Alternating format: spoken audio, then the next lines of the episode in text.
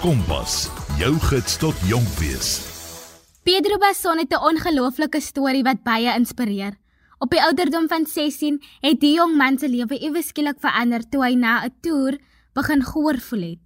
Die sportiewe seun wat 'n groot liefde vir tennis, swem en fietsry gehad het, kon toe sonder verduideliking nie uit sy bed uit opstaan nie. Na diagnose van 'n hartkondisie het sy toestand vererger en 'n oorplanting was onafwendbaar. Maar wonderbo wonder was Pedro nou net 'n paar weke van aansterk weer op die been met 'n nuwe doelwit voor oë. Hy het nie dat sy toestand om terughou nie en vandag spog hy met 'n goue medalje wat hy by die wêreldoorplantingsspele verower het. Vanaand hoor ons Pedro se storie en alles wat hy moes deurmaak. Hy en sy ouers hoop ook om meer mense aan te moedig om orgaanskenkers te word. 'n Orgaanskenker kan die lewe van sowat 7 mense red. Mense soos die 18-jarige Pedro Basson. Dit is jou Kompas program vanaand met my Chloe van Rooyen hier op RSG. Pedro, baie welkom hier by Kompas. Hi, my naam is Pedro Basson. Uh, ek is 18 jaar oud. Ek is nou in matriek by Helpmekaar College. Uh, ek kom van Johannesburg af en ek hou baie daarvan om tennis te speel, te gym en um verseker om te programmeer. Dit is verseker my stokperdjies. Pedro, nou die afgelope paar jaar het jou lewe handomkeer verander en jy is deur 'n baie moeilike tyd. As jy nie omgee nie, sê jy dit met ons deel. So 2 jaar terug, um einde van 2021, het ek 'n tennistoernooi gespeel um in Sun City en ek het daar een van 'n virale siekte opgetel en ek het net bly tennis speel. Ek het net bly um wedstryde speel en ek het al hoe seker en seker geword en ek het net bly speel en speel en my lyf bietjie deur dit gedruk. En ehm um, toe ek terugkom, toe was dit ek nie baie goed gevoel nie, so toe gaan ons maar vir 'n ehm um, COVID-19 toets. Ek het negatief getoets en toe vir die volgende maand het ek probeer herstel van dit af. Ehm um, en toe na 'n maand het ek besluit, okay, nou is ek gesond genoeg en toe begin ek weer oefen. En ek bly myself druk en ek bly my lyf druk en um ek het tennis gespeel, ek het gym en ek het al daai goeie se doen en toe toe gaan ek op 'n skooltoer en um toe het ek ook daar myself te veel gedruk. Ons het min slaap gekry, ons het uh ons het nie genoeg geëet of ek weet nie, maar uh, ek het myself te veel gedruk. En um toe ek terugkom, dis ek verskriklik moeg en uh ek het so vir 'n dag lank geslaap min of meer of 'n halwe dag en my maat net begin stres want ek sal nooit so lank slaap nie. En um toe stuur sy my na die GP toe en ehm um, sy doen 'n sy doen 'n aansoek op my en sy het eers gedog is my longe wat fout het. Ehm um, ek gesuk om asemhaal en ehm um, toe kom sy agter ons ek swat met die longe nie en dis eintlik die hartspoed wat so vinnig is wat veroorsaak dat ek sulke vinnige asemhalings moet hê en dat ek sukkel om asem te haal. Toe toe sê sy uh, iets is fout met die hart. So sy stuur my ehm um, na kardioloog toe by Linksfield Hospitaal en ehm um, daarso kom hulle agter ek het my hart is nogals baie swak. Na 'n week by Linksfield het hulle my gestuur na Milpark Hospitaal toe waar daar beter kardioloog was wat gespesialiseer het in hartoortplantings. En hulle het besef dat ehm um, my hart is verskriklik swak. Uh hulle het my eers op life support sit, maar dit het toe nie gebeur nie. Ehm um, en uh hulle het my gediagnoseer met myocarditis en uh, cardiomyopathy. En um dit beteken maar net die hartspier was verskriklik groot en verskriklik swak. Um na so 3 weke uh, het het het my hart begin beter word en die dokter het my teruggestuur huis toe. So net vir Kersfees en um op daai tyd het dit nog uh goed gegaan. Ek was besig om beter te word. En ehm um, toe was ek so vir 2, 3 weke by die huis en in daai 2, 3 weke ehm um, het my medikasie die ehm um, oral medication het dit ophou werk. Ehm um, en toe toe kom hulle agter ek het begin ehm um, swakker word, my hart begin swakker word en uh toe toe vat hulle my toe neem hulle my weer terug in die hospitaal op. En ehm um, die dokter doen 'n toets en ehm um, hy besef ek gaan 'n uh, hartoortplanting nodig hê. En ehm um, wel dit was skrikkelike nuus vir my en vir my ouers. En toe na so 'n week toe toe arriveer die hart en ons almal so dankbaar. Ja. Jo, ek kan net indink hoe angstig jy moes gewees het. En soos ek verstaan 'n paar dae voor jy die nuus ontvang het dat daar wel hard was, was dinge maar 'n bietjie rof geweest. So 'n paar dae voordat ehm um, voordat ek my hart gekry het, uh was my hartfunksie min of meer onder 15% ehm um, hartfunksie oor. So net 15% van die hart nog gewerk. En um, ek het net verskriklik moeg gevoel en ek kon nie regtig dink nie. Ek het baie geslaap en um, toe die dag toe die hart kom, hulle het my so ek dink vroeg in die oggend gesê, ten minste tussen 3 tot 5 uur in die oggend en ek het net dadelik na huis gebel het. Ek ek het net vir die verpleegster gesê gee my my foon. En um, toe uh toe wou sy nie want dit moes maar 'n surprise wees. En um, die oggend toe kom hulle en toe wag ons maar nou en is maar wag uh, speel. En ek het deur ek so was so 12 uur ingestoot en daai daai wagdeel is baie baie um erg. Want jy weet ook nie of die hart um die regte match is nie of uh, jy weet nie of die hart regte bloedtipe of al daai toetse moet perfek wees. En um hulle moes die hart gevlieg het van Kaapstad uh, af of van die Kaap af. En um wel dit was maar net stresvol want jy moet so lank wag en jy, jy wil dit mos nou klaar hê. En ehm um, toe hulle my in. Dit was almal so dankbaar. En ehm um, ja toe kry ek hart. So ja. En ehm um, so ja toe toe toe ek hierdie proses gaan my kop was nie lekker nie en um, die hart het net nie genoeg bloed vir my brein gepomp nie so ek kon nie reg dink nie. En die hele tyd het ek te veel gestres ek en ek het so bly stres. En die dag toe hy hard kom dis ek het verskriklik verskriklik bly. En um, maar maar daai daai tyd wat jy moet wag vir die hart om te arriveer en wat jy moet uh opereer is verskriklik stresvol want jy moet wag vir 'n hart. En um, toe na die tyd toe ek toe ek die hart nou het toe ek het soveel meer energie gehad ek het net soveel beter gevoel. Ek het net gevoel asof ek nou enigiets kon doen. So ja Sjoe, maar hier gesels jy nou vanaand saam met ons. En soos ek gelees het, was jy binne 'n paar dae na die operasie alweer op jou voete. Sjoe. Ek is seker jy kon nie wag om weer aan die gang te wees nie. So, hoe was die aansterktheid geweest en waarna het jy die meeste uitgesien toe jy weer begin terugkeer na jou ou self?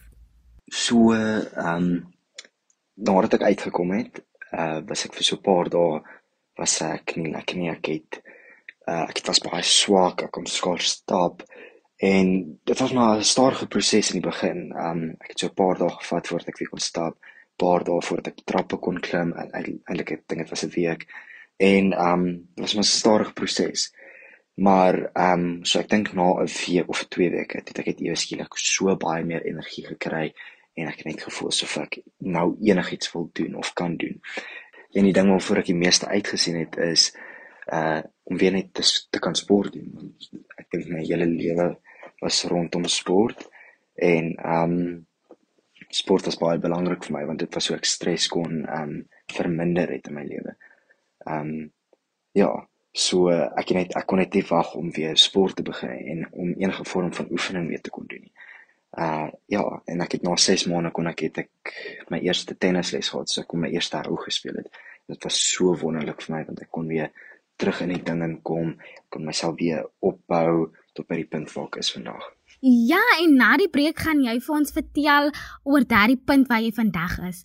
Ons vat gou eers 'n vinnige breek, maar wanneer ons terugkom, vertel Pedro ons hoe hy toe opgeëindig het by die wêreldoorplantingsspele. Dit is Kompas. Ek is Chloe en jy is ingeskakel op RSG. Kompas. Kragvers en knetterend. Vanaand in Kompas gesels ons met Pedro Passon. Pedro het 'n hartoortplanting gehad op 'n baie jong ouderdom na hy gediagnoseer was met twee hartkondisies. Maar Pedro het nie dat sy diagnose hom agterhou nie en het die jaar aan die wêreldoorplantingspele in Perth, Australië deelgeneem waar hy 'n goue medalje verower het. Ons gesels nou verder met hom. So na die oorplanting het jy toe 'n doelwit vir jouself gestel om by die wêreldoorplantingspele deel te neem. Hoe het jy tot daardie besluit gekom? So, uh ek het 'n biokineticus en hy het my gehelp om my fiksheid weer op te kry. Hy het my gehelp met rehabilitasie. En ehm um, so 2 weke, 3 weke, 4 weke na my ehm um, oorplanting, toe vertel hy my van ehm um, van hy wat al voorheen met oorplanting mense gewerk het en toe ehm um, vertel hy vir my daar is so iets soos 'n uh, wêreldoorplanting spele. En ek was net dadelik geïnteresseerd. Ek was soos wat is hierdie? Want ehm um, sou die eerste keer wees wat ek oor see kon uh, gaan tennis speel het en dit sou so 'n wonderlike idee vir my wees. En op daai tyd wat ek so swak was sou het, het dit net so 'n goeie idee vir my geklink. En toe stel ek dit as 'n doelwit en ek begin het ehm um, werk na dit toe. Ek het dit uh, 'n groot doelwit in my lewe gemaak en elke klein wen wat ek gehad het was as gevolg van die groot doel wat wat ek vir myself gestel het. En daar het jy 'n goue medalje gewen, baie geluk. Jy sê net dat dit jou eerste keer sou wees dat jy oor see gaan en daar gaan kompeteer. So vertel ons hoe was dit? So die tennis was eers ehm um, so 'n paar dae nadat na die spele begin het. Ehm um, ek dink was so 4 dae na die tyd, so ek het voor die tyd goeie kans gehad om op te warm saam met my spanmaats. Um, ons het actually bietjie gaan speel uh, net om gewoon te raak aan die um, aan die manier van speel daarso aangesien um, Johannesburg nie by see level is hy. Um, so ek meen ons het net bietjie voorheen gaan speel en toe ons by die kompetisie kom, toe is ons sommer reg, nê. Nee. En um, toe by die kompetisie kom ons en ons almal stres want ons gedog, joh, joh, hierdie gaan nou regte rowwe kompetisie wees. Ons gaan nou reg sukkel. En lyk like my ons ons het onsself net um, bietjie onderskat want ons was die um, ons drie Suid-Afrikaners was die moeilike kompetisie lyk like dit my. Um, so ons het begin speel en toe uh toe my eerste paar wedstryde ehm um, het ek goed gewen. Ehm um, ek dink eers ek het 'n pot afgestaan nie. Uh, ek ek het net ek het net so ek was so in die zone en ek het bly speel en ons het ek dink ek het 7 wedstryde op een dag gespeel en dit was verskriklik um, baie fiksheid wat mense kort het. En aangesien almal van hierdie ouens ook al oorplantings gehad het weet ek presies wat deur hulle was en ek verstaan dat um, my fiksheid was verskriklik goed vir iemand wat 'n oorplanting gehad het. Uh en en ek het dit tot my voordeel gebruik. En toe kom toe kom die um, semifinale. Ek het hom teen 'n uh, um, Brit gespeel en uh ek het daai een moes ek net my kop reg kry want ek het geweet ek gaan die finale teen 'n Suid-Afrikaner speel en ek het al voorheen teen met die ou opgewarm en ek weet ehm um, hy weet presies hoe ek speel en ek moes myself net reg kry vir dit in die semifinale. Want ek het gesien ehm um, toe hy toe daai ou in die semifinale speel toe toe's hy honger vir die goud. En toe's ek het soos ek met my kop reg kry en toe kom die finale en ehm um, ek stap op en dis net wonderlike energie wat daar is. Ek en die huis, ag en ek en die ou slaan verskriklik hard. Ons probeer verby mekaar slaan en ehm um, ons speel ook verskriklik slim. En ons het mekaar verskriklik baie laat hardloop en dit maar net gegaan oor die ou wat die fikste was. Die ou wat die langste kan uithou en al daai goeters. En ehm um, al almal op die sta ehm um, al die spectators was net was net verbaas oor hoe goed ons albei speel. En um, en toe toe vat ek die eerste stel en hy val vir die tweede stel en hier kom die derde stel en uh nadat hy die tweede stel gevat het, moes ek my kop regtig reg gekry het en um, ek ek ek speel en ek speel en ek speel en ek probeer probeer verskillende goeters om 'n punt te wen. En op die ou einde kom ek agter, ek moet net die bal terugkry totdat totdat die ou kan 'n fout maak. En um, ek bly speel en ek bly speel en toe ek daai laaste punt begin speel, toe besef ek het ek is nou 1 punt weg van die van die goud af en toe toe slaan die ou die bal uit en ek ek was net so emosioneel want ek het net besef ek het nou nou net die wêreldoorplantingsspele vir tennis gewen. En um, wel almal kom so op die baan op en dit was wonderlike energie en omdat ek en die ou Suid-Afrikaner is, ons het ons het net mekaar soveel gerespekteer en ons het toe ons klaar was, toe ons altyd was ons verskriklik emosioneel. En ja, dit was net wonderlike wonderlike kompetisie daar. So ja. Ja, dit klink asof jy jouself behoorlik geniet het. En ek wou nou vra, jy het nou genoem dat jy omtrent 7 wedstryde op een dag gespeel het en jy het ook baie geraak aan die fiksheid. Hoe het jy dit reg gekry om so gou in staat te wees om in die spele te kompeteer sonder om te veel druk op jou hart en algehele gesondheid te plaas? So in die begin, um, was ek nogal skrikkerig om my hart te veel te druk. Maar ons so 3 weke, 4 weke na my oorplanting, dit was ek reg. Ek het energie gehad. Ek was was reg vir die ding. En um, ek dink nadat ek my hart gekry het, het ek het soveel meer energie gekry en die dokters moes my eintlik herinner het dat ek dit moet rustig vat. Want ek was daar ek was was reg om my hart te druk en ek was reg om om weer te begin speel. En almal was net so nee jy moet bietjie jy moet bietjie rustiger gaan. En ehm um, so ja ek ek was eintlik bereid om myself bietjie te druk. Maar ehm um, my dokter en my biokineticus het vir my ehm um, spesifieke hart ehm um, spoed gegee wat ek nie verby mag gaan nie en ek het maar net uh, dit by dit gehou. Uh, en as dit bo dit gaan dan begin ek net weer rustig gaan dan vat ek 'n breek met die tennis of ek ehm um, of ek gaan vat 'n waterbreek of wat ook al. En ehm um, en dis hoe ek myself maar net gereguleer het en gekyk wat's my hartspoed. En ehm um, dan na dit uh, het ek maar net 'n breek gevat dit weer afgelaat bring en dan druk ek myself weer tot hy weer op kom en dan vat ek weer 'n breek tot hy weer afkom. En dis maar net al hoe ek myself aanhou laat verbeter het om myself te druk En dit het nie net gestop op die tennisbaan nie. Nee, om alles te kroon was jy binne 'n paar weke na die oorplanting terug by die skool.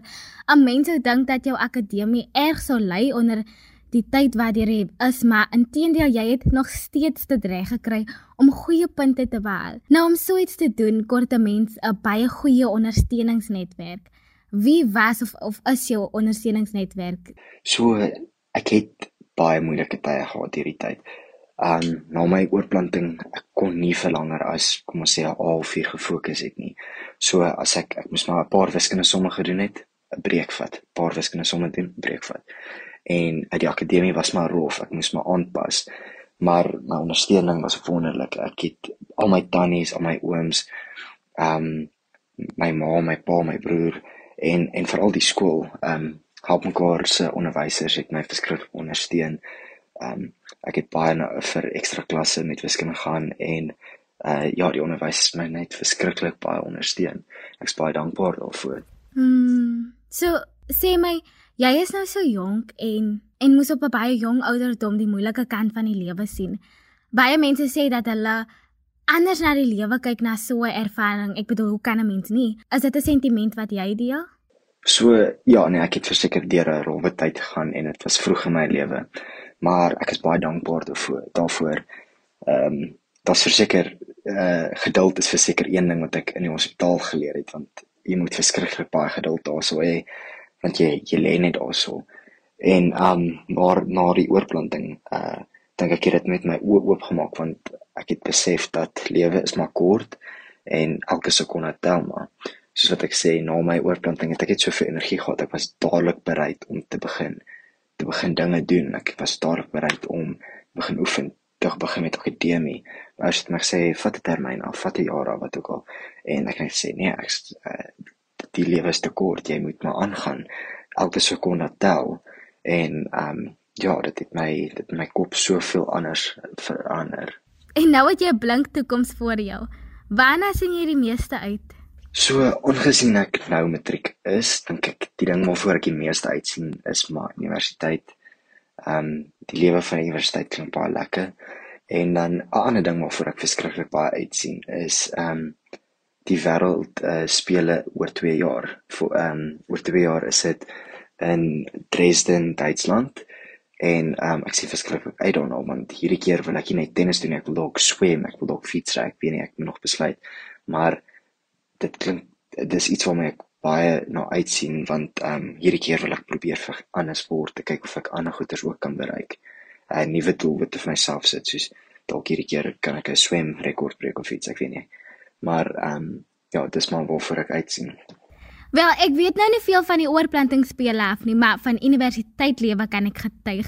Daar gaan jy van die beste herinneringe maak. Maar voor ons groet, Pedro, is daar enige iets waarmee jy die luisteraars vanaand wil los? So, ehm um, die ding waarmee ek vanaand die luisteraars wil los is dat ehm um, ek nie vanaand hier sou wees as dit nie was vir 'n donaar nie.